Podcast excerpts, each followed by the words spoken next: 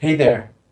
Welcome to Silk Road Tomorrow, where we will explore the developments, transformation, and changes in Asia and beyond in the context of China's Belt and Road Initiative.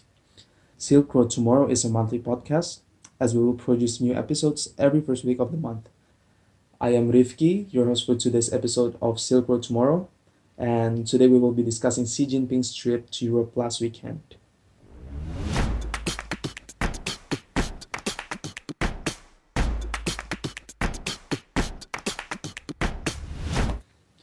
Chinese President Xi Jinping was on a trip to Europe last weekend.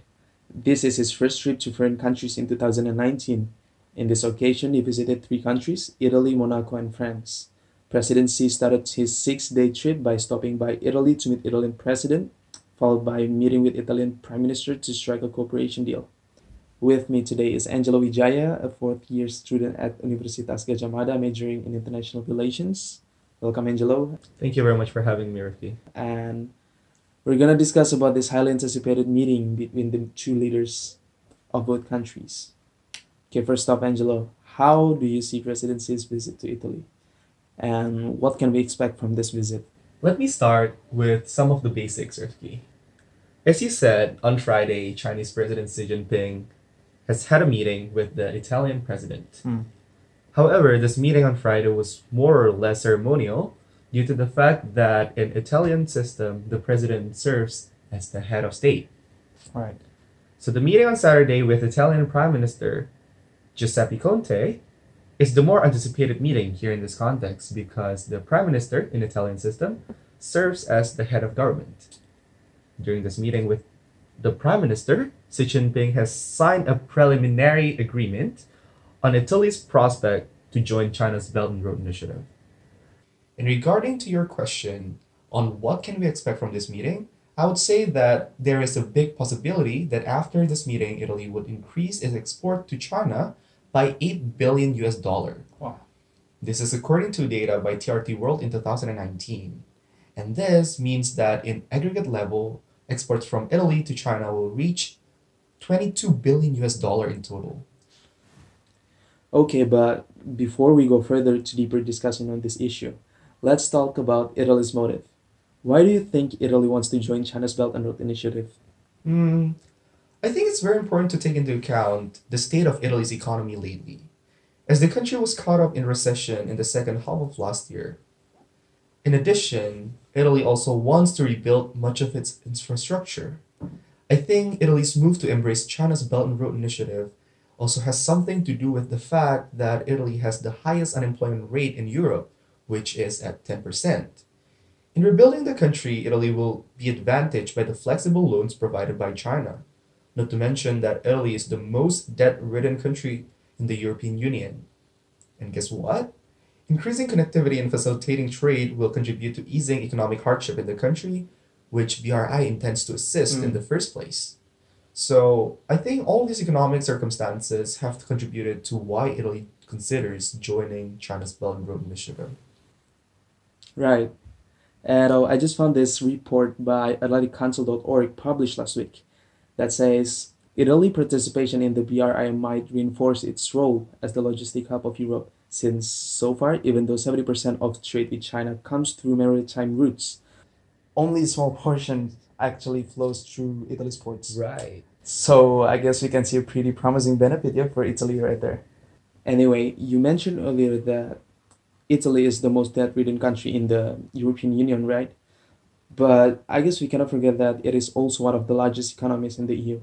And that said, surely Italy's decision to join BRI will have its own ramification to its broader relationship with the EU and the world. How would you think this affect EU's response to BRI? I think, Rifki, before we go deeper on how this will affect EU's response to BRI, it is important and we have to go through the basics first. I think it is important to talk about EU's response to BRS so far and how can we expect this to Mm. change in the near future. First of all, the EU through its High Representative for Foreign Affairs and Security Policy, Federica Mogherini, has outlined its EU-Asia connectivity strategy somewhere around, around last year. Basically, the EU wants to also have its grand idea on how to connect Europe and Asia laid out on a document too. By having Italy, one of its largest member in terms of economy, to join BRI, we can expect EU's response to change in the near future. First, there is the possibility that EU's response as a regional grouping will be more cautious towards China's BRI, noting that other large economies across the region, like Germany, France, and the United Kingdom, among others, will be increasingly skeptical towards China's growing influence in the region. Mm. This is particularly because the three countries that I mentioned just now uphold democratic processes in their governance and putting a high anticipation on initiatives coming from outside of the circle of their traditional allies. The second scenario is that by Italy formally endorsing BRI, the EU can be more friendly towards China, as other countries have also forged friendly relationship with China lately, including Greece and Hungary. And this is the important thing. The determining factor would be how this investment scheme play out in the future. If it really is an effort to build the country by increasing connectivity and able to wipe out the skepticism about its financial drawbacks, it is with no doubt that EU will be more welcoming towards China's BRI. Conversely, if something goes not in the direction initially intended, we can expect a growing reluctant EU towards China's BRI. So I guess we still have to wait and see whether this goes right. Exactly. Anyway, um, talking about BRI, I guess we can never not to include the US in the discussion. And as we know, Italy has been one of the biggest US's allies so far. How do you see the US response to Italy's decision to join BRI? The US is not very fond of Italy's decision to join BRI. US foreign policy for the past two years has been highlighted by its opposition to BRI projects in many parts of the world. I remember in 2017, when I attended the Asia Pacific Economic Cooperation or APEC Summit, Donald Trump outlined his first grand idea on how to rival China's Belt and Road Initiative.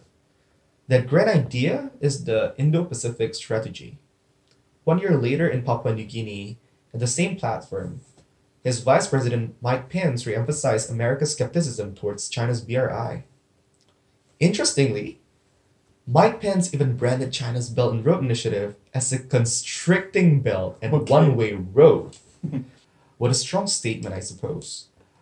Now, regarding the fact that the US has opposed Chi- Italy's move to join BRI, I think it is very important to take into account the fact that Italy is, for one, a democratic country, two, US traditional ally, and three, one of the most advanced and industrialized economies in the world.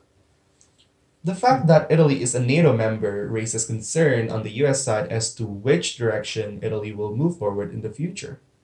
Will Italy keep working together with the US in security sphere as laid out in their cooperation agreement under NATO? Well, inevitably, US wants a loyal ally. US will pressure countries and its traditional allies to choose between the two sides. Okay, Angelo, you mentioned about Italy being one of the most advanced and industrialized economies in the world previously. And we all know that Italy is part of the G7, and Italy is the first G7 country to join China's BRI. What does it mean for G7 that Italy now endorses BRI? And more importantly, what does this mean to the world? Yes, you correctly put that Italy has an advanced and industrialized economy. However, being a G7 member today does not only mean those two things. Okay. Experts are now adding one more adjective to the grouping, which is democratic.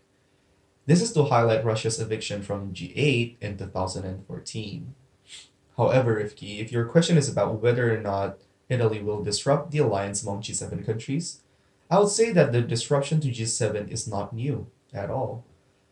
Last year, just before Donald Trump went to Singapore to meet Kim Jong un, G7 leaders had a meeting in Canada. Not only that Trump arrived late for the meeting, he also departed early the from the meeting. He also caught up in a harsh exchange of words with Canadian Prime Minister Justin Trudeau. Why mentioning the fact that Italy is the first G7 country to endorse China's BRI important for international media? This is because G7 is known to be the platform for the strongest economies in the world to coordinate policy and action, and therefore having a big role in shifting the direction of many other countries in the world. If further disruption is to take place in the near future, I think it is because our current state of the world allows it. Well said, Angelo. So, Italy's decision to join China's BRI doesn't add to more certainty in world politics. Indeed, it only adds to more uncertainty as to how BRI will shape our future. As a member of the European Union and G7, Italy's decision is unprecedented. Will this change the course of Israel's relationship, or will it merely lead to more uncertainty here and there? Maybe what we'll have as of right now is not yet beyond the wait and see approach. This is Silk Road Tomorrow. We'll see you in the next one.